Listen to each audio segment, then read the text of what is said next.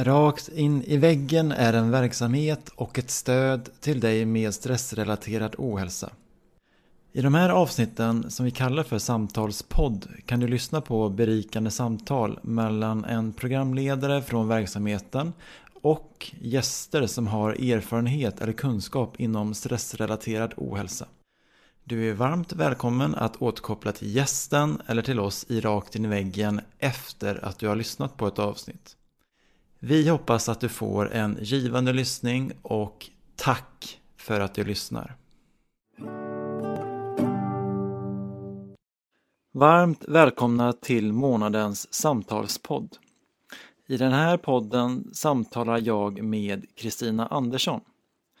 Vi pratar framförallt om självmedkänsla och compassion-fokuserad terapi och hur man kan odla en snällare relation till sig själv. Att man faktiskt alltid går till att förlåta sig själv. Eh, och att vara snäll med sig själv. För att det, är liksom, det blir liksom dubbelt upp när man slår på sig själv eller är arg på sig själv för att man mår ju redan dåligt. Och sen är man ännu värre med sig själv än att då verkligen så här, vad är, liksom, vad är hjälpsamt för mig nu kan man tänka eller vilka vänliga saker kan jag göra mot mig själv? Och kommer man inte på något direkt, för det kan ju vara ångestfyllt så det är bara helt tomt, så odla den tanken att alltid försöka stå vid din egen sida, att inte överge sig själv.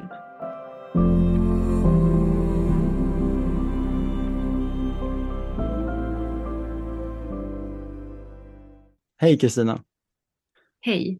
Kul att ha dig här. Då startar vi igång podden som vanligt med faktarutan. Som eh, ni kanske har blivit bekant med vid det här lagret. Så jag börjar med första frågan. Vad är din ålder? 43. Vad är din familjestatus? Ensamstående nu. Vart bor du? Jag pendlar mellan Örnsköldsvik i Norrland och Stockholm. Vad jobbar du med? Jag jobbar inom vuxenpsykiatrin som psykolog och har även en privat praktik. Har du egen erfarenhet av utmattningssyndrom? Ja, det skulle jag faktiskt säga att jag har. Um, har, du varit, har du blivit um, diagnoserad med utmattningssyndrom eller är det mer någonting som du har upplevt eller diagnoserat dig på egen hand med?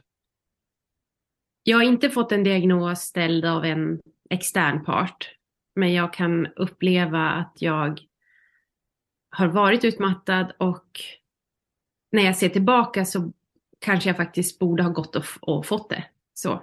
Eh, att vara snällare med mig själv och gjort det faktiskt. Eh.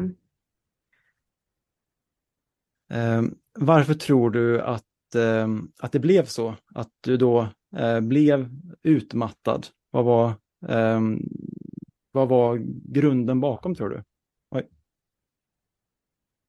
Som många kanske kan känna igen sig i, det var, det var flera saker. Det var både i privatlivet och eh, där, alltså hur jag, hur jag hade det i min jobbsituation.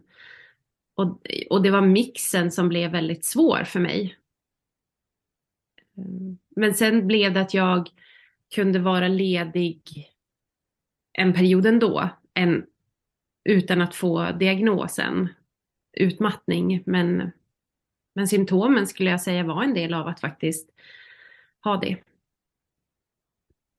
Um, hur lång tid eh, höll detta på och vad var det som gjorde att du blev bättre tror du? Det var, just nu är det lite svårt att bara säga exakt tiden. Uh, det, för det var ändå ett tag. Sen den mest extrema fasen när jag in, alltså, när det var tufft helt enkelt. Det, det var inte lika länge, men ett par månader i alla fall. Alltså så, eh, säkert lite mer. Det som gjorde att det gick bra, alltså att jag läkte och började må bättre, det var delvis familjen. Eh, delvis vänner, men också min praktik i i det jag också ägnar hela mitt liv åt. Alltså att träna på compassion och vi ska ju komma in på lite det jag, det jag gör. Så att, och det är väl därför jag också är så passionerad kring det, det jag vill ge ut och sprida, att jag faktiskt känner att det har sån effekt på ens liv för att vilja leva och må bra. Mm, fint. Vem är Kristina Andersson utifrån, utifrån hur du eh, identifierar dig idag? Jag kan ju svara från mitt eh, professionella eh, perspektiv. Och sen kan man väl ändå lyfta in mer privat också. Alltså det är ju eh, det är ju lite olika och samtidigt kanske det ändå går ihop för jag gör ju det som jag skulle göra även om jag inte fick betalt för det. Så, så det, det, är ju mitt liv, det jag gör. Um, men, men jag, um, jag, är, jag är ju psykolog. Um, så att mitt intresse är ju att förstå människor och förstå och hur vi kan må bra. Och att jag ser kopplingen mellan att må bra och vilja ta hand om sig och varandra till att också ta hand om klimatet och jorden. Så att jag har ju ett stort intresse eh, av helheten. Och det har också gjort att liksom vägen till det jag gör idag har ju inte varit rak. Eh, och det, ibland har jag slagit på mig själv för det. Alltså man jämför sig med andra och tänker så här, tänk om det skulle vara så här eller om jag skulle ha gjort så här. Eh, men med åren så försonas man väl kanske lite i taget med sig själv. Eh, men så att jag har en bakgrund även som har läst ekonomi och sociologi för att förstå systemen. Men, eh, men har landat i att, att jag då skriver böcker och, och eh, tänker mycket liksom på, på vad som gör oss lyckliga och, eh, och så och förmedlar det på olika sätt. Och jag gör det oftast utifrån en drivkraft vad jag tycker är viktigt. Alltså vad, vad jag känner att det här fångar hela mitt, min tillvaro liksom. Ja, mm. så, ja. Och, och jag kanske ska lägga, ja men och att jag då delar min tid här uppe i Övik. Så att jag tittar ut på, ja, men på havet nu och naturen. Eh, tycker om det. Eh, och, eh, och liksom, ja, och, ja, men jag tycker om att vara ute i naturen, göra saker och samtidigt så så är det ju mycket som jag känner ger mig värde i att också bara tänka. Att vara ensam och tänka tycker jag om och, och vara med djur. Uh, ja. Mm, tack. Och du nämnde lite det förut, eh, att du i grunden är utbildad psykolog. Mm. Det som jag är nyfiken på kring det, det är vad var det som gjorde att du ville bli psykolog från första början? Vad var din eh, intention med det? Du, du nämnde lite kring det, men går det, utveck går det, att, mm. går det att utveckla? Ja, eh, ja, jag ska väl säga, jag hade inte traditionellt som jag hört vissa har, kanske så här, åh, jag har alltid velat hjälpa. Alltså det, så, så var det inte, även om mitt hjärta nu är totalt inne på det. Utan jag ville bli, ett tag ville jag bli stylist, jag ville bli advokat, jag skulle bli reseledare, alltså så här väldigt vilsen i min, eh, och extra liten då ville jag bli bagare eller florist, alltså så här, det var, så att men livet, livet förde mig lite till att så här, jag kände mig vilsen. Alltså det var så här, jag hittade inte riktigt det jag ville göra så jag följde väl också typ så här, det här, det här gör man. Alltså man ska läsa det här eller man ska göra det här. Och, så parallellt så hade min mamma ett stort intresse för eh, så här, självhjälpsböcker från 90-talet. Och, så att jag har läst, liksom, hon har haft bokhyllor fullt med sådana eh, typer av böcker inom psykologi och liksom hela det andliga, det själsliga. Och, och, så det fanns där hela tiden, även om jag växte upp i en, i en min pappa var ingenjör och så. Eh, så att det, men, eh, och det det intresset då av att jag läste väldigt mycket för att jag fick inte till mitt liv. jag fick liksom inte till det. Eh, och, och sen började jag resa en del och gjorde ett utbytesår i San Diego och mötte ju Deepak Chopra och var väldigt mycket i yoga. Det här är ju många år sedan nu, men innan det blev liksom stort så. Eh, så att jag läste och läste. Självhjälp blev liksom jag märkte att titlar började ändra sig på självhjälpshyllorna i USA. För jag gick ofta på bibliotek, för det var min trygghet liksom. Eller bokhandlar. Ehm, så jag sökte. Och eh, var väl också ganska, liksom lite olycklig på insidan. eh, länge. Och sen så eh, Eh, ja men och sen började jag läsa religionspsykologi, det fanns ju med där hela tiden. Och sen blev jag sjuk, då, då var jag i 25-årsåldern och blev jättesjuk. Eh, och eh, fick hjärtproblem och liksom när alla andra, eller jag var kanske i 27-årsåldern, 25-27. Eh, och, och, och sen där, verkligen så här att jag visste inte om jag skulle överleva. Och på min 27-årsdag så blev det faktiskt att jag kände så här, nu dör jag. Um, och sen föll jag ihop på en jag var inne på sjukhuset länge. Och sen föll jag på en räddningsknapp inne på toaletten nere vid golvet. Uh, så att de kom och hämtade, då fick jag en blodpropp i hjärtat. Um, och under den sjukhusvistelsen så hade jag, jag kunde bara ha en bok med mig och jag har alltid gått med en massa böcker. Och då, då hade jag en bok som heter Sonjas godhet av Ove Wikström. Eh, och den handlar just om varför är Sonja så god mot liksom Eh, en som då inte riktigt tar emot den godheten. Och det handlar om medkänsla. Och efter det, när jag låg där på sjukhuset, där började jag känna så här. Jag vill bli psykolog. Jag vill hjälpa. Liksom, eller jag vill förstå. Jag vill förstå på ett djupare plan. Eh, och då, då börjar resan. Och eh, så jag bara älskade hela min utbildning. Eh, Ja, så det var ett långt svar, så jag ska fatta mig kort resten av podden. Ja. Eh, skulle du vilja berätta lite mer om eh, den sjukdomen eh, som du hade där? Och för att om, om det är så att du hamnade på sjukhus och var så illa så, så undrar jag, um, ja, vad var det du hade för någonting? Uh, och sen undrar jag också, uh, hur tror du att den resan, eh, um, vilka insikter tog du med dig från den resan, att, att vara så sjuk? Eh, nej men det, det var, jag hade varit förkyld och sjuk länge. Och jag tror att det hade att göra delvis med att jag också var olycklig. Alltså att jag ja, det var inte kanske hela orsaken men också att jag blev sjuk och sen drev jag mig hårt liksom det, så var det. Jag var ganska prestationsinriktad och jag är väl fortfarande prestationsinriktad men med en annan intention. Alltså, nu. Eh, men så att jag fick ont i halsen och eh, men tränade mycket ändå och höll igång och liksom sådär. Och det gjorde nog att ehm, eh, jag blev väldigt, väldigt, väldigt sjuk. Ehm, och då lades jag in på medicinavdelningen för att jag hade feber i väldigt långa tider och började liksom svimma och försvann liksom under en lång period. Mm.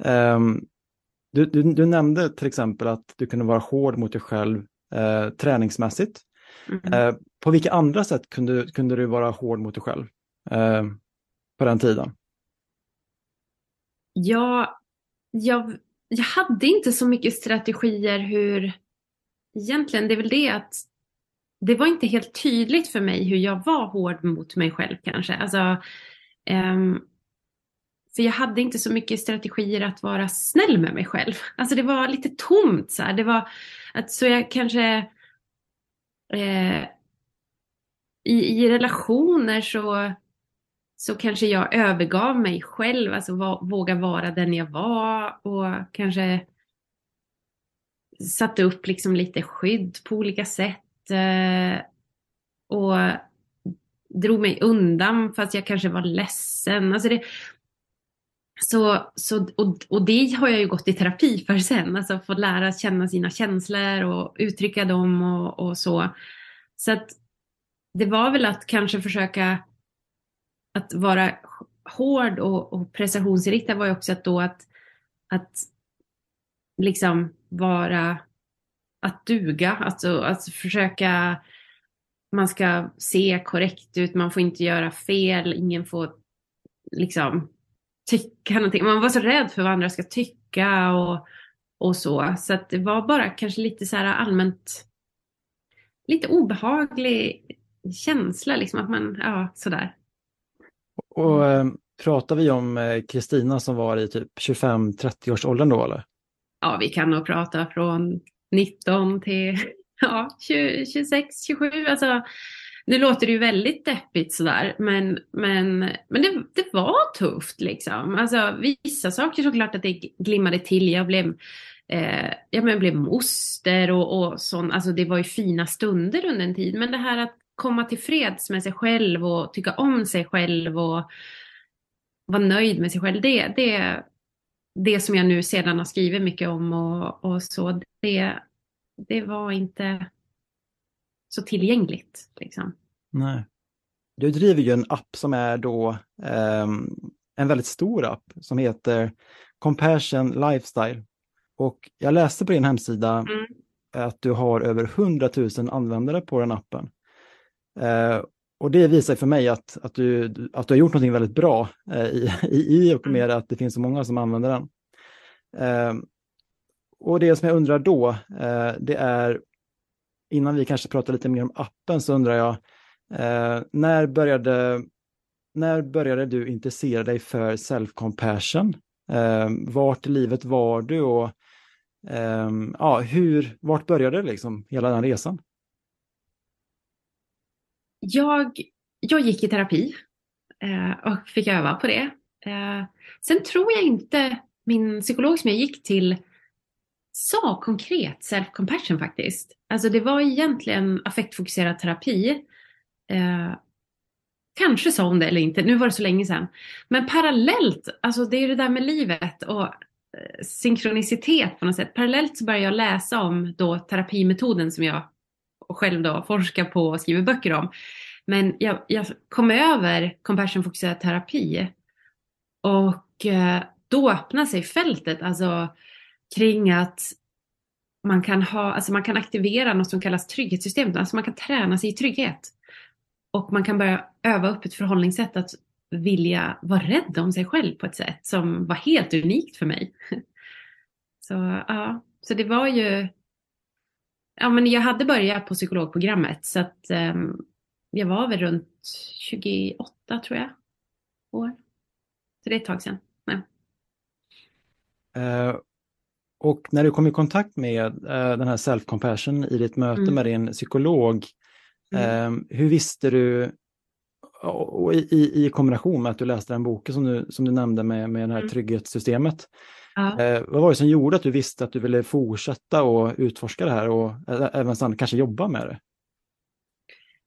Um, det är en annan psykolog som har sagt ett uttryck så här att research is me search. så att man, man fördjupar sig i det man behöver mest. Liksom. Eh, och eh, eh, det var, jag kände bara så här, det här är, det här är unikt. Alltså, här, att kunna må så här bra. Alltså att ha tillgången till det där på insidan, det var så att det bara gjorde att det bara gjorde att jag ville fortsätta. Eh, och det fanns ju, jag började läsa mer litteratur och vi gjorde, jag och Sofia som jag, som jag läste i samma, eh, ja men vi gick samma år på psykologprogrammet. Vi gjorde ju vår första studie tillsammans och vi skrev boken samtidigt också då. Så att det där med att jag hade fortfarande kvar mitt intresse av att lära. Alltså det, det var det jag kom in på psykologprogrammet för, för jag bara kände att jag vill lära mig allt. liksom i den här kontexten. Eh, inte bara läsa alla böcker hemma på sidan och jag köper ju massvis med böcker fortfarande eh, och vill lära.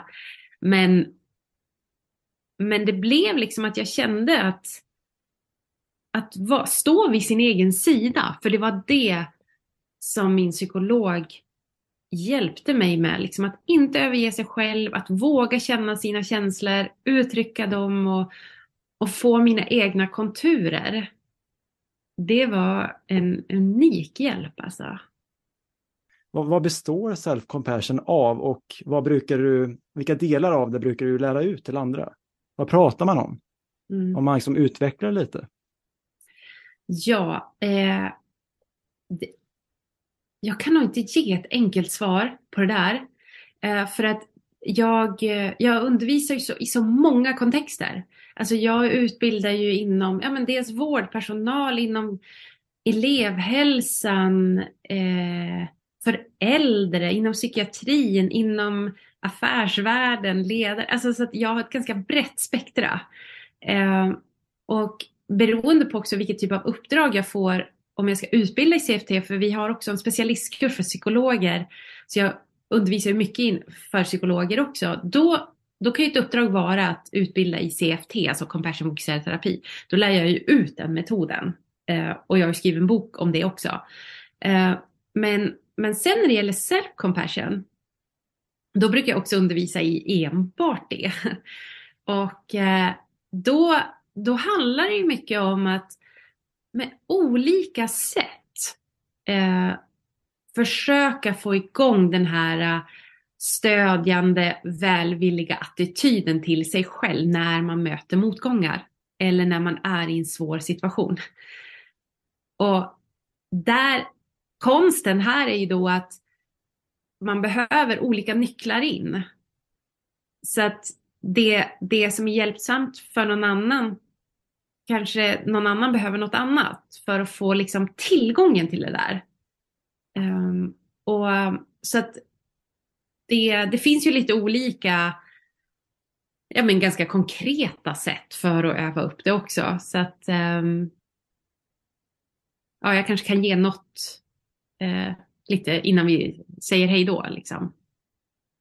Ja, det vore, vore väldigt eh, fint att få ta del av det. Mm. Um, men alltså när du är ute då och eh, om vi bara tar self-compassion, mm. vilken av de här två, eh, om vi bara tar då att ett uppdrag handlar om att lära ut eh, compassion-inriktad terapi mm. och det andra uppdraget handlar om att bara egentligen lära ut self-compassion, om det finns två ja. olika grupper där. Vilket ja. uppdrag brukar du vara ute mest och jobba med? Eller är det ungefär lika kanske? Ja, jag skulle nog säga att det är lika. Uh, och sen undervisar jag ju, eller pratar ju väldigt mycket nu också om två andra delar. Eller jag, jag, jag, jag har jobbat ganska länge, jag älskar ju det här så att jag har liksom nu lite, jag gör olika saker att det jag har försökt i och med appen också är ju att försöka ta fram olika digitala interventioner och jag forskar på det och så att behandlingsprogram eller eh, färdighetsträningsprogram är något som jag också eh, lägger mycket av min tid på att ta fram. Så jag har skapat ja, men program både då i eh, compassion-träning, hur man kan träna upp det, eh, baserat mer då på den här terapin. Eh, och, eh, men sen har jag ju också då tagit fram enbart self-compassion-träning. Eh, sen håller vi nu på och ska forska på ett program som heter att utveckla rostyrka.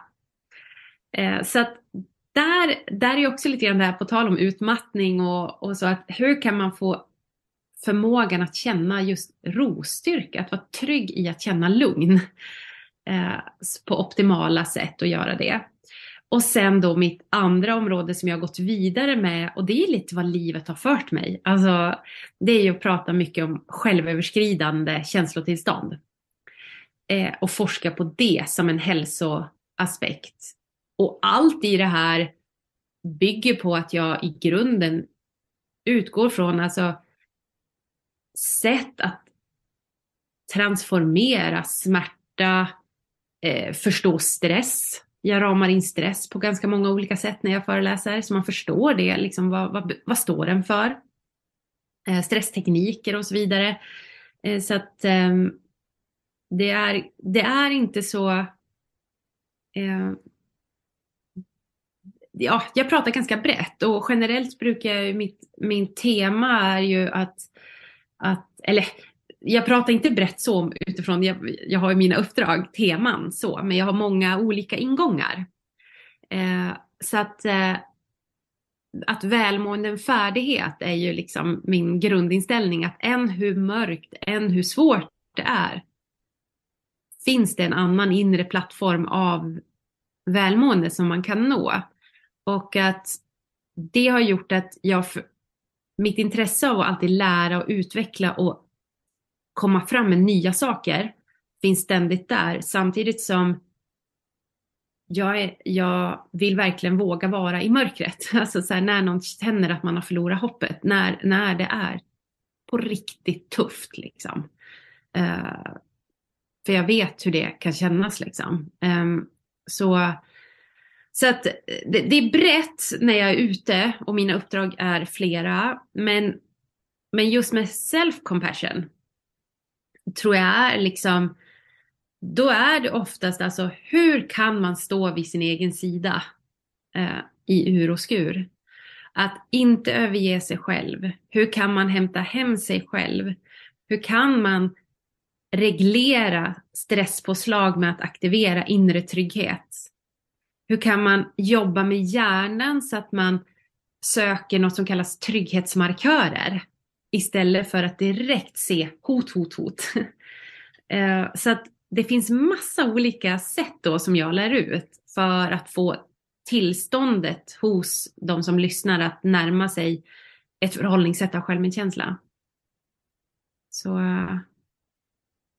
ja. Vi, vi, ska prata lite mer om din app här strax och även några andra saker som du nämnde. Eh, men om vi börjar med, du sa det förut att det är ganska individanpassat eh, när du är ute och hjälper människor med self-compassion. Mm. Och det är ju mm. såklart helt naturligt att det är så. Men finns det vissa saker som du har sett är återkommande just när det gäller eh, problematik hos människor? Um, och nu, nu förstår jag att okej, okay, de kanske behöver bli bättre på självmedkänsla.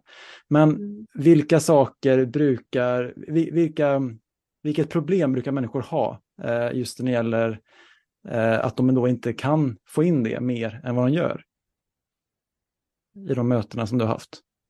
Ja, eh, nej men det finns grundläggande saker som vi människor är rädda för och som verkligen tas uttryck i det här också ihop med trygghet. Att vi är, det finns i oss och vi vill inte bli övergivna. Eh, vi vill inte bli lämnade. Eh, eller liksom känna oss eh, isolerade. Liksom. Eh, och vi har väldigt starka överlevnadsbehov av att få känna oss viktiga för andra människor. Och när de här mekanismerna har liksom påverkat oss på olika sätt genom livet och tidiga ungdom, alltså barnåren och så vidare, att få sina behov tillfredsställda och känna den här alltså upplevelsen av att, att få vara precis som man är i någon annans närvaro.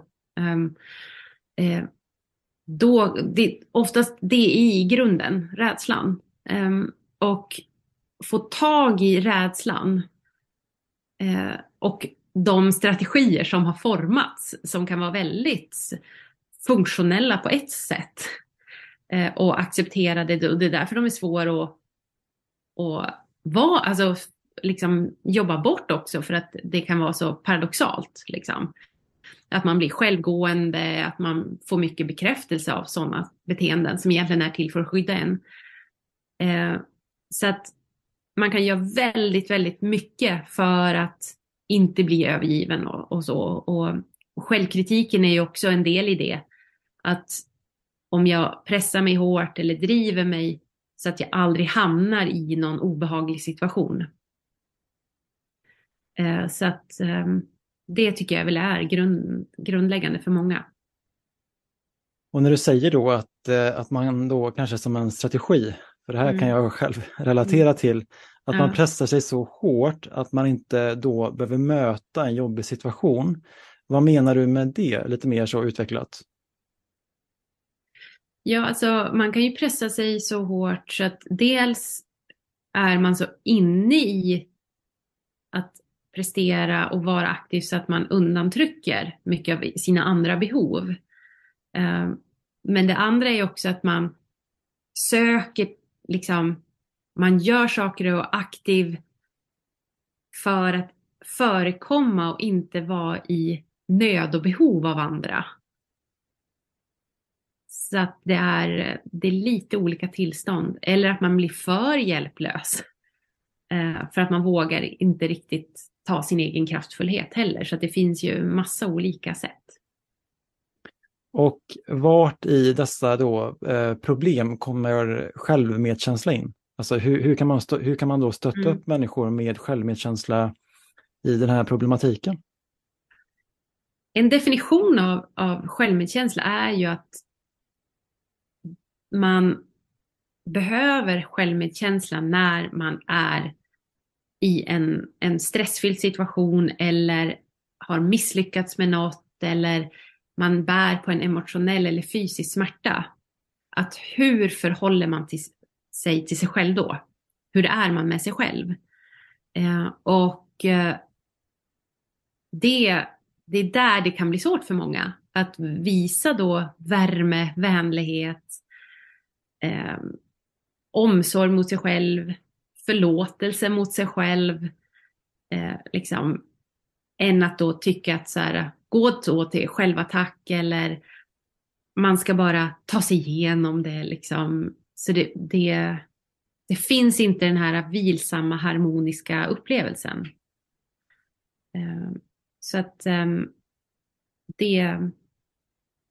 Så att då jobbar man med det, att öva på att stanna upp och kan liksom se att det här är en svår situation för mig. Steg två blir ett annat sätt då är att eh, identifiera, är jag hård mot mig själv eller har jag tillgång till en vänlighet eller en stöttande ingång? Och sen en tredje dimension är också att börja se det allmänmänskliga, ta in det. För att skammen gör ju att man drar sig undan. Det gör ju att man isolerar sig. Och att det är, det är inte så att det är så tydligt så här, nu känner jag skam, nu vill jag dra mig undan. Utan det är ju mer det här att, nej det känns inte så kul att gå på den där träffen eller nej jag känner inte att jag vill eh, gå på den där middagen eller ringa den där personen. Så det är mer, mer bara att det blir lite obehag. Och man kan till och med få känslor av att man blir arg eller få negativa tankar om andra mer för att skydda sig. Liksom. Eh, så att, men då det där tredje steget av att börja se då att andra kan få vara stöd eller att i mötet med andra så märker vi att så här, det är många som kämpar. Eh, så att man inte är så unik. För att man kan känna sig ganska unik med sin skam. Alltså det är bara jag som har det här. Det är bara mig som det är synd om. Um, så um, ja, nej men så man jobbar, där kan man jobba ganska konkret liksom. Mm. Uh, upplever du att dessa, uh, den, här, den här problematiken, att den är någonting som du ser hos uh, alla människor nästan? eller finns det någon skillnad det som jag komma till det är, eh, har, har, du, har du träffat många människor som har utmattningsproblematik? Eh, och är det samma typ av beteendemönster du ser hos dem? Eller finns det något mönster som är lite särskiljande hos den gruppen som har problem med stress och utmattning? Ja, ja alltså det skulle jag väl säga då att vid utmattning så kan det vara att man, har, man känner en form av säkerhet i sina prestationer. Man har kanske tagit sig från obehag och upplevt en trevligare känsla när man har presterat. Det är ju ett skifte. Man, man, man blir ju, det känns lite lättare på insidan. Liksom. Eh, och att gå mer i fokus på att uppnå ett mål kan ju också ta en bort från att känna sig maktlös eller att det väcker sånt som är ledsamt för en. Att istället så här, ja men när jag bara har lyckats med det där, då kommer ju mitt liv bli bra. Liksom. Mm. Eh, så att då, då har man ju liksom också så stängt av lite utav andra stress och obehagskänslor. Så att just att finna en slags, många kallar ju det liksom en, en slags trygghet i att hellre prestera. Att lägga sitt fokus där, för då har man kontroll. Um, så att det, det kan jag känna igen, så att det finns också mycket gott i det. Men just avsaknaden då att ha tillit till att få vila på riktigt. Eh, att få vara sårbar och känna att man inte överger sig själv bara för att bli omtyckt av någon annan också. Att man liksom stänger av sina behov för att få någon annans ögon på sig. Eh, och eh, att börja liksom navigera i det. Så absolut att jag kan se mönster av att ha väldigt kanske mycket compassion till andra, alltså att man är väldigt hjälpsam och stöttande mot andra men väldigt snål att lyssna på sina egna behov. Det kan vara skräck liksom. Mm. mm. Jag eh, kan eh, känna igen mig i väldigt många av de sakerna mm. du har berättat och jag känner att det här har varit en bra vägledning för mig själv. Mm. Men jag tänker att vi nu ska prata lite om din app som då heter Compassion Lifestyle. Mm. Eh, när, vilket år skapade du appen och eh, hur kommer det sig att du ville skapa en app?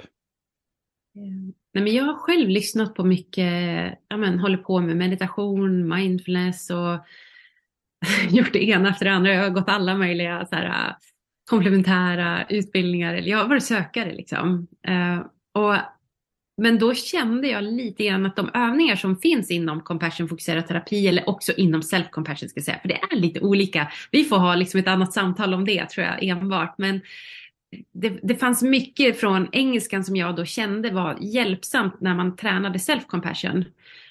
Och eh, därför kände jag det finns ingen sån app i Sverige där det är lätt att bara nå dem. Liksom. Och då skapade jag en sån. Och det var inte en lätt väg. Det var många som tyckte det där var dumt eller varför det där kommer inte ge någonting eller varför gör du det där? Och, men det har, det har väl varit min styrka genom att jag, jag litar verkligen på mig själv, att jag tror på någonting och vill liksom. Så att då skapade jag den appen 2016. Det är länge sedan nu. Eh, och eh, ja men som sagt, ja, det är så många som lyssnar på den. Ibland kan jag vara på något ställe och sen säger de så här Nej men gud, det är ju du som har den där rösten på Compassion Lifestyle. Så här, för jag, är väl, jag håller ändå ganska låg profil i, i sociala medier och sådär. Eh, så att jag är väl inte jättesynlig och så. Eh, men de känner igen min röst. Eh, och då är det ljudfiler där man tränar hjärnan. Så det är, det är inte eh, reflektionsfrågor, skrivövningar, för det finns på en annan app som jag forskat på och har evidens på att den funkar.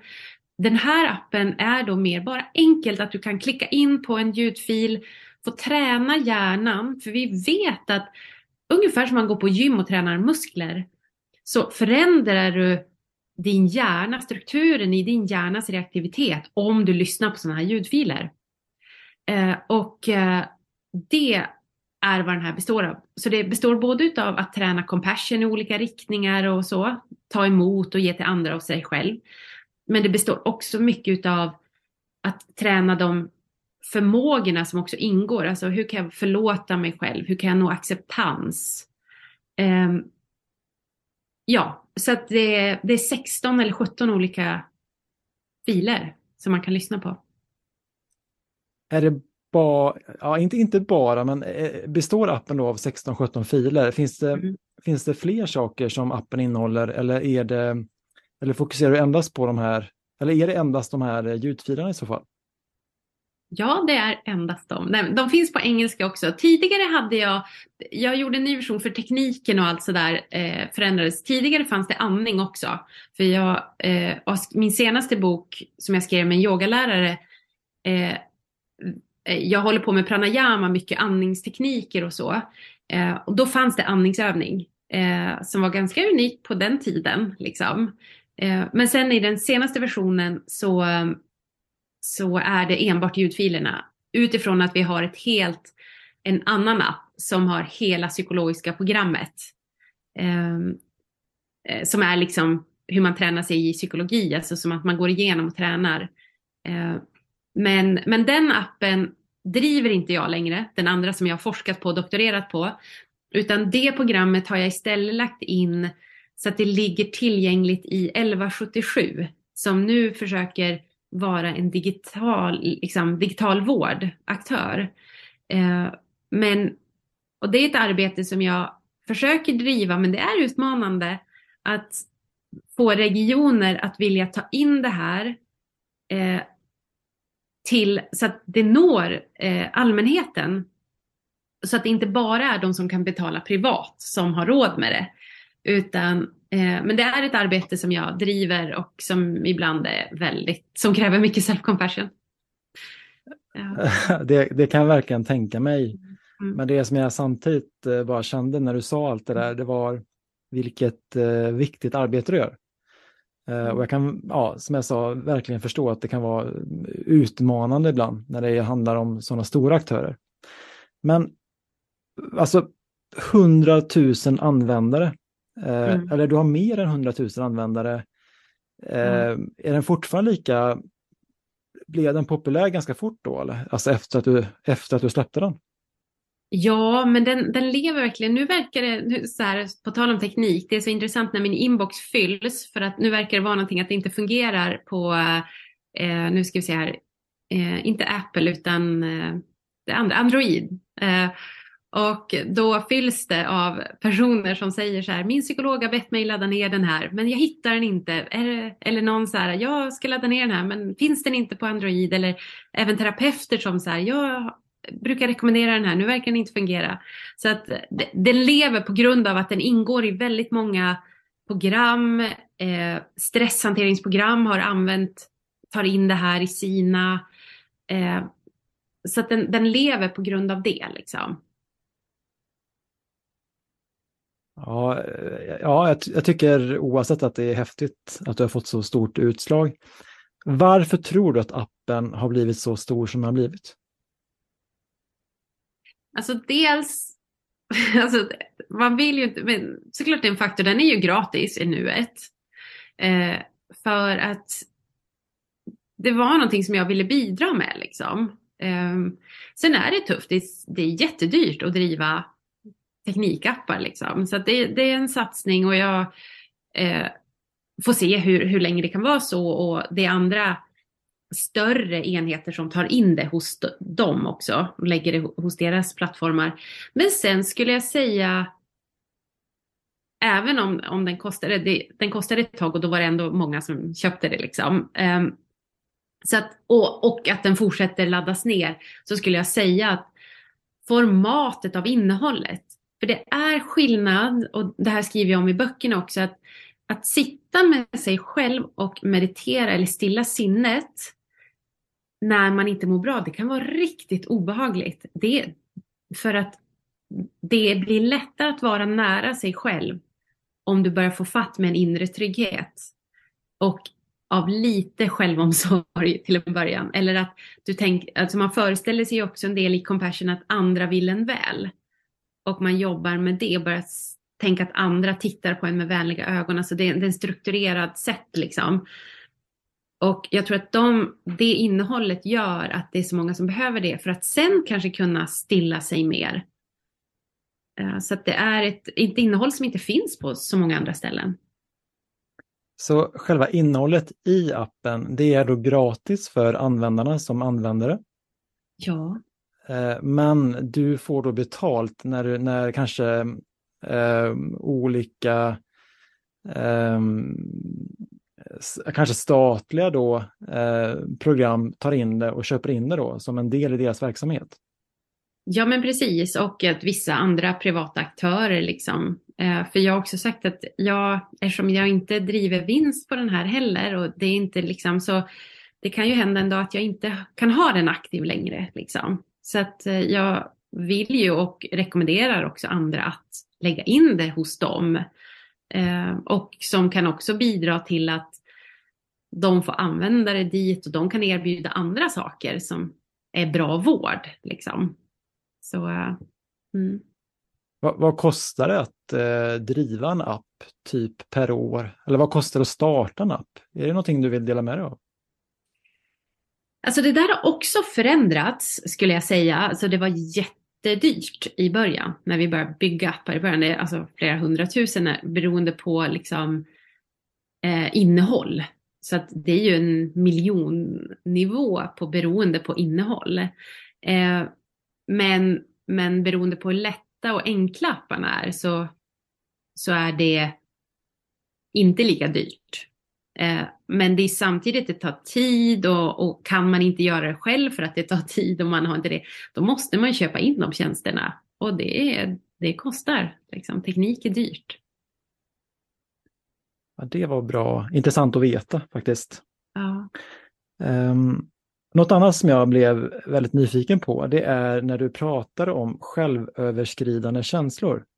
För du är ju tydligen aktuell med ny forskning kring just det. Um, och det har ju tydligen um, en effekt på vår hälsa. Så skulle du vilja berätta lite mer om den här forskningen med självöverskridande känslor? Vad ville ni ta reda på och vad har ni upptäckt i den forskningen? Ja, eh, nej men jag, jag känner att livet visar vägen ibland. Fast ibland så tycker jag att den inte gör det. men, men självöverskridande känslor handlar om tillstånd som där vi i mötet med andra upplever nästan att man sammanförs. Man känner samhörighet och kontakt och man släpper delvis fokus på sig själv. Um, och det kan vara kärlek, en sån känsla. Um, tacksamhet, compassion då uh, och förundran. Och förundran är någonting som man kan känna när man är vid något storslaget och nästan mystiskt, så att man inte kan sätta ord på det man upplever. Liksom. Det är bara större än en själv.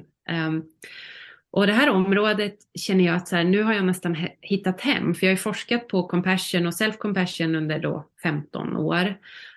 Tacksamhet har ju alltid funnits med och, och fört in också yoga och olika former och tagit det från liksom små rummen då till vården, liksom, i och med min, mina böcker och så om det.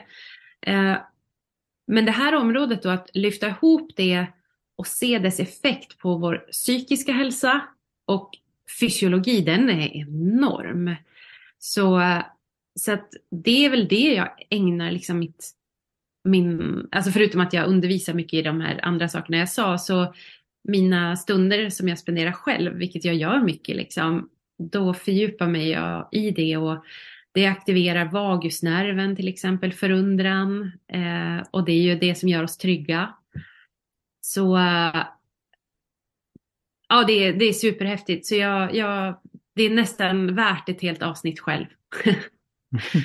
att gå in i det. Ja. Och jag, jag blev faktiskt eh, ganska förundrad när jag kollar in eh, din hemsida och vad du har gjort. Mm. Jag tänker, mm. hur har man lyckats att hinna göra så här många saker under ett liv? Jag menar, du, du har forskat och du, du har ju då jobbat, om jag inte jag har för mig att, du, att det stod mm. att du har jobbat på Karolinska institutet. Ja. Kanske, du kanske jobbar där idag till och med? Nej, eh, jag är forskare. Men, men jag jobbar ju inom vuxenpsykiatrin idag och sen jobbar jag privat. Eh, tar emot klienter privat också. Eh, så att, ehm, ja. Ja, okej. Okay. Eh, och det var det som jag ville komma till förut, för jag sa ju att när jag gick in på din hemsida och läste allt det som du har gjort så tänkte jag, hon har skapat en app med över 100 000 följare. Hon, du har varit med och grundat något som heter Centrum för social hållbarhet på Karolinska. Du forskar, mm. du, har skrivit, du har skrivit flera böcker, du är ute och föreläser, eh, håller workshops och sen mm. så har du liksom två olika områden när du föreläser. Du har både self-compassion och eh, compassion-inriktad, eh, ja, vad det nu heter. Mm. Och då tänkte jag bara, hur kan man hinna med så många saker? Nu vet jag att du, du har kommit en liten bit på din, på din eh, livsresa där, eh, men du känns som du är väldigt ung också. Mm. Och förutom det som vi har pratat om tidigare så, så har du, du har skrivit en del böcker, fattar jag det som. Mm. En bok mm. eh, heter då Yogahjärnan. Och det verkar ja. också vara ett eh, biintresse, eh, eller kanske ett huvudintresse som du har. Eh, och den boken lyfter då fram yogans viktiga och välgörande effekt på vår kropp och mental hälsa. Mm. Skulle du vilja berätta lite mer om eh, varför yoga är så viktigt för dig och eh, varför du har valt att skriva den här boken? Ja, nej men varje område som jag skriver om är ju för att det, jag anser det vara relevant för min egen del, att jag är intresserad av det och sen har sett positiva effekter.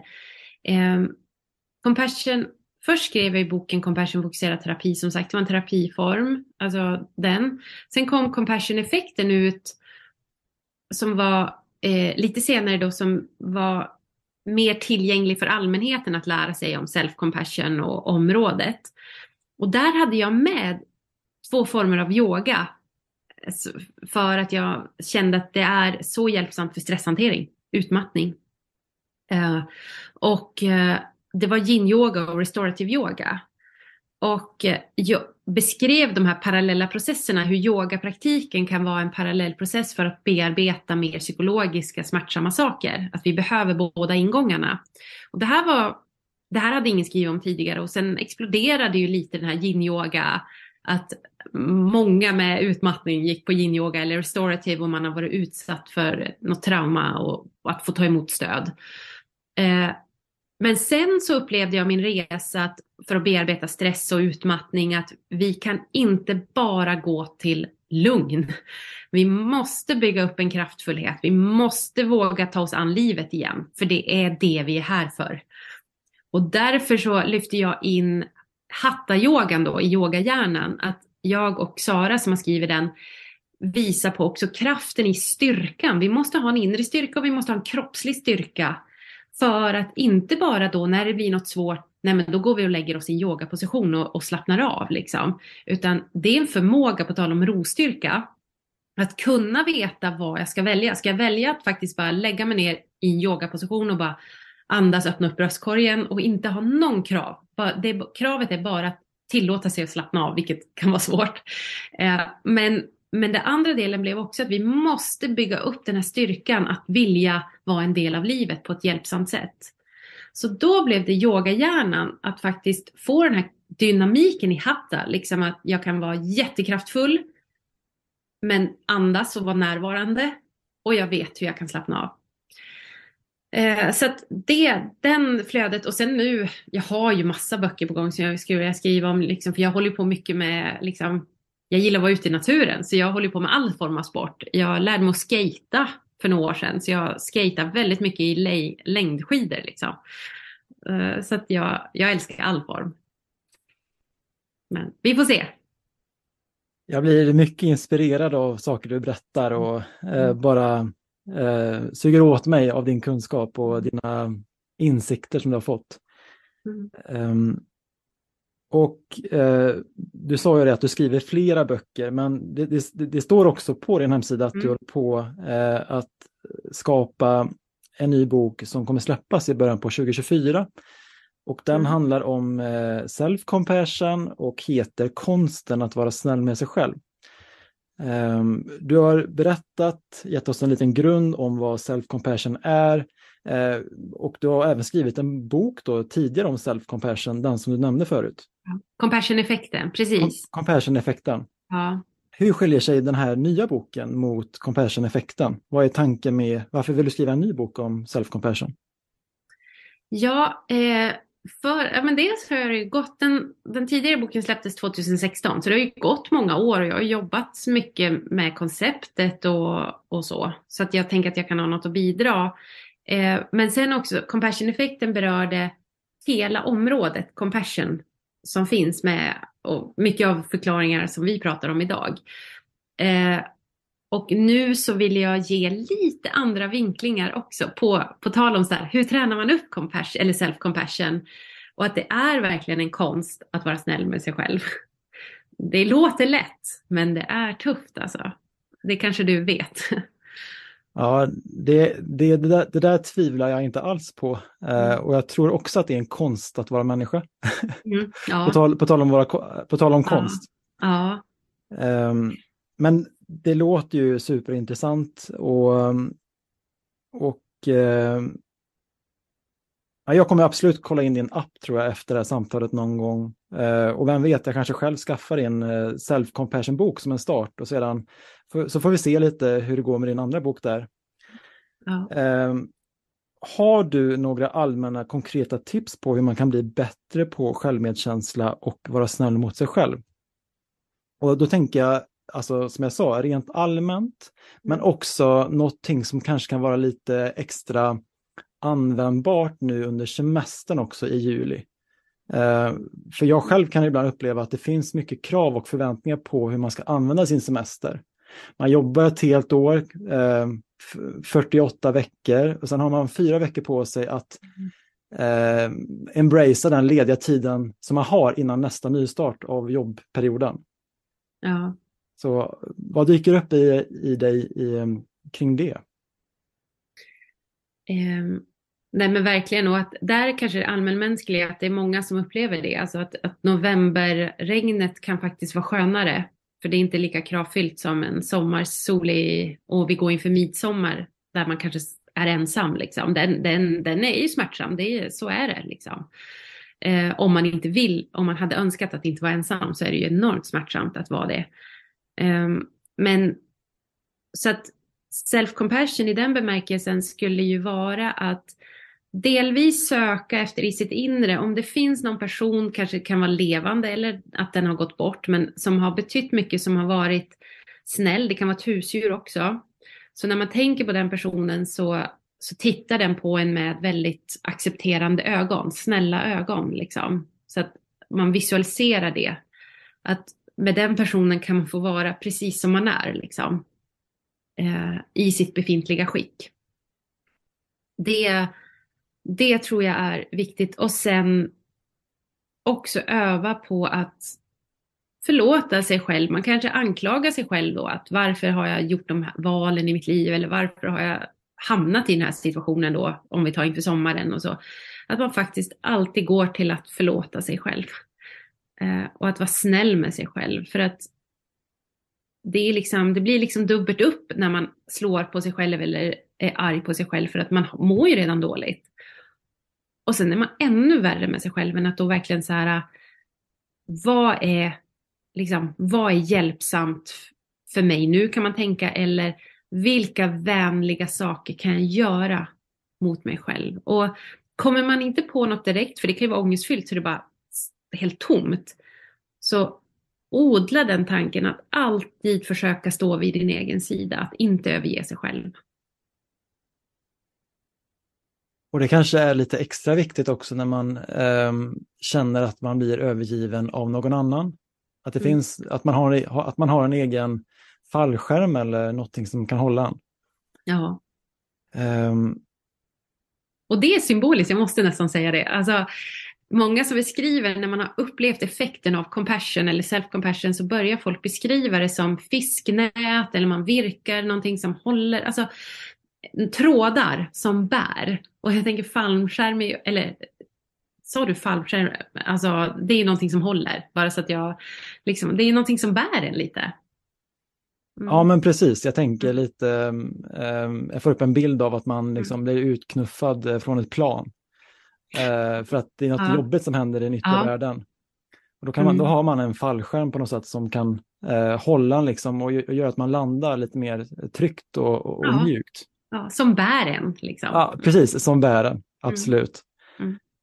Um, men finns det, har du någonting att säga just uh, till, till människor som uh, har stress och utmattning? Uh, för jag själv, som jag sa förut, kan ju känna att, att det kan vara lite jobbigt att för, för, min del, för jag, jag mår ju betydligt bättre idag jämfört med kanske för mm. ett år sedan. Jag mm. håller på att återhämta mig från min andra krasch. Eh, men det som ibland kan vara lite utmanande fortfarande, det är när jag då känner att jag vill göra någonting som jag inte har energi för. Mm. Eh, och då kan det vara lite extra utmanande under sommaren för att då finns det väldigt många som delar med sig av sina glädjestunder ja. på sommaren. Du vet alla de havs, havsbilderna eller en, en fantast, ett, ett, fantastiskt eh, lyckat eh, midsommarfirande eller ja. man ser liksom massa vänner, familj eller kärlekspartner. Allt verkar bara vara så magiskt för alla på mm, sommaren. Mm. Men det är inte lika många som kanske lägger ut att det här har varit min tuffaste sommar i mitt liv, utan sånt håller man liksom utanför sociala medier. Mm. Så hur kan man då eh, även använda självmedkänsla, förutom det du sa, i, i, i något sånt där? Mm. Har du något? Ja, eh, alltså att står väl fortfarande kvar vid de sakerna jag sa tidigare. Men, men ytterligare en sak som jag brukar tänka på är just det här att när man känner att så här, tiden rusar ifrån en, liksom, alltså att det, det, är nu den här sommaren det måste hända de där sakerna, liksom, eller man vill. Att ändå säga till sig själv att tiden kommer. Alltså att, att det är, att det är okej, okay, liksom. Alltså att, att, för det kan finnas sån hets i det här också att ta vara på livet. Alltså att att man ska fylla varje stund, att inse så här, nej, det kan finnas väldigt tråkiga dagar också. Alltså det, det måste få plats liksom. Um, och att vara med den, faktiskt den, att vara i det som är tråkigt. Att vara i, i eh, ledsenhet och sorg, att inte liksom, där kan man ju säga fly eller bara så här, det får inte finnas liksom. Uh, så att inte bedöva sig från det, för det kan när man accepterar det, verkligheten, möter verkligheten, då kan man få kraft att göra det man vill då, någon annan stund. Liksom. Så, um, så tiden kommer. För att citera Håkan Hellström med sin låt Din tid kommer. Ja, ja, ja, ja från Göteborg. Ja. Um, om man vill komma i kontakt med dig eh, på något sätt. Det kan vara så att man kanske vill eh, boka in dig för en föreläsning till eh, sitt företag eller verksamhet eller mm, ja, det kan handla om kanske en workshop eller någonting mm. annat. Eh, hur gör man då på bästa, smidigaste sätt? Man kan kolla på min hemsida, eh, Compassion Lifestyle. Där finns kontaktmöjlighet. Ja, det är ju toppen. Och nu kommer vi till eh, den sista delen av vårt samtal som jag nämnde lite för dig innan vi drog igång. Och det ja. är någonting som vi då i dagsläget kallar för frågelådor. Och det blev ni introducerade till i vårt förra samtal eh, som jag hade med Axel Wennhall. Och eh, för de här frågorna, många, många av de här frågorna som Kristina eh, har fått då, eh, en del frågor har kommit spontant såklart, men en del frågor har också Kristina fått på mejl innan eh, samtalet. Sen finns det också några eh, frågor som då ingår i frågelådorna som är lite mer överraskningsfrågor, för det, det är också kul när människor inte helt vet vad de ska svara. Eh, och Eh, då har vi då tre olika frågelådor som, ni, eh, som vissa av er kanske är bekant med. Den första enklaste frågelådan heter då eh, lätta frågor. Och eh, nästa nivå heter djupa frågor. Och eh, den tredje och svåraste nivån heter då djupare frågor. Eh, och min tanke var att man egentligen då skulle få fem frågor att svara på. Då kan man antingen välja ett av de här tre paketen eller så får man ett eh, kombinerat paket med ett fråga eller fem frågor totalt från de här tre paketen. Men jag har ändrat mig och jag inser att fem frågor blir, blir lite för mycket så vi kör tre frågor istället.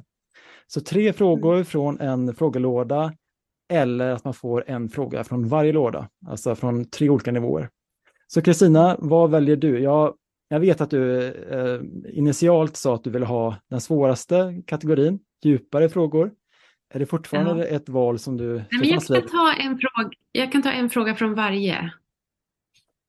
Det låter lite, lite mer balanserat. Ja. ja. Då börjar vi med lättsamma frågor och då kan vi göra så här att eh, säg en siffra från 1 till 10. 10. 10. Vad brukar, då lyder frågan på nummer 10 där, vad brukar du oftast göra när du är uttråkad? Frågetecken. Gå på en promenad med min hund. Då tar vi eh, nästa fråga från eh, mm. paketet mm. djupa frågor. Mm. Då får du återigen välja en siffra från 1 till 10. Då tar vi 8. Och då lyder frågan, vilken typ av musik får du energi av? Jag lyssnar på rockkanalen när jag ska göra något nu, så det är typ rock. Har du någon favoritartist och låt? Eh, nej, men jag lyssnar faktiskt en del på Iron Maiden, tycker jag är bra. Okej, okay. lite oväntat svar men ändå kul. ja, när jag ska på energi liksom. Ja. ja. Och då får du återigen välja eh, en siffra från 1 till 13 eh, på, i, den sista, i det sista paketet med djupare frågor. Fyra. Vilken livshändelse har haft en avgörande påverkan på dig? Det var mötet med en, en man som jag tycker väldigt mycket om. ja. Vill du, får jag ställa en följdfråga på den eh, innan vi säger hej då? Ja, det kan du få göra. Vad, vad för typ av avgörande påverkan hade han på dig? Eh, han finns fortfarande kvar i mitt liv. Eh, och eh, jag, ja, jag blev väldigt betagen. Jag tyckte väldigt mycket om honom från dag ett. Liksom. Ehm, mm. Vad med han eh, tyckte du lite extra om? Vilka egenskaper hade han som du gillade? Um, det, det var humor, eh, men också att vi, vi pratade om hur vi såg på livet eller liksom hur vi... Våra sätt att möta livet var väldigt olika på ett vis. Men det berörde mig. Och att vi har följts åt. Ja, vilket fint svar. Mm. Tusen tack eh, Kristina för att du har eh, tagit dig tid till att svara på alla frågor och vara med i vår podd. Eh, rent personligen så känner jag att jag tar med mig många saker. Vissa saker känner jag att det är en process som har startat sedan tidigare som fick lite extra eh, energi från dig i det. Eh, men det känns som att du, du pushar mig lite åt det hållet som jag redan var på väg mot. Eh, så tack för det. Um, ja, och det här poddavsnittet släpps då i juli. Så det blir en sommarpodd. Har du någonting du vill säga innan vi eh, säger hej då? Jag vill tacka dig som bjöd in mig och Eh, för dina frågor och vår spontana konversation också som har fått tagit mycket plats. Eh, så, så tack för den här tiden tillsammans. Och jag hoppas att lyssnarna ska också känna att det är värdefull information för dem. Toppen. Då eh, hoppas jag att ni som lyssnar på det här har eh, på något sätt, att ni på något sätt kan, eh, har tagit med er eh, något, precis som jag har gjort. Eh, annars så önskar jag er en eh, fin, eller fortsatt fin julimånad. Så ses vi igen i augusti. Ha det bra, hej! Vill du också medverka i Rakt in i väggens podcast? Besök vår hemsida för mer information på www.raktinivaggen.com medverkan. Om du vill tipsa oss om en poddgäst eller om du har en fråga eller synpunkt på det vi gör kan du alltid mejla oss på podcast raktinivaggen.com för att få svar. Tack för att du lyssnar.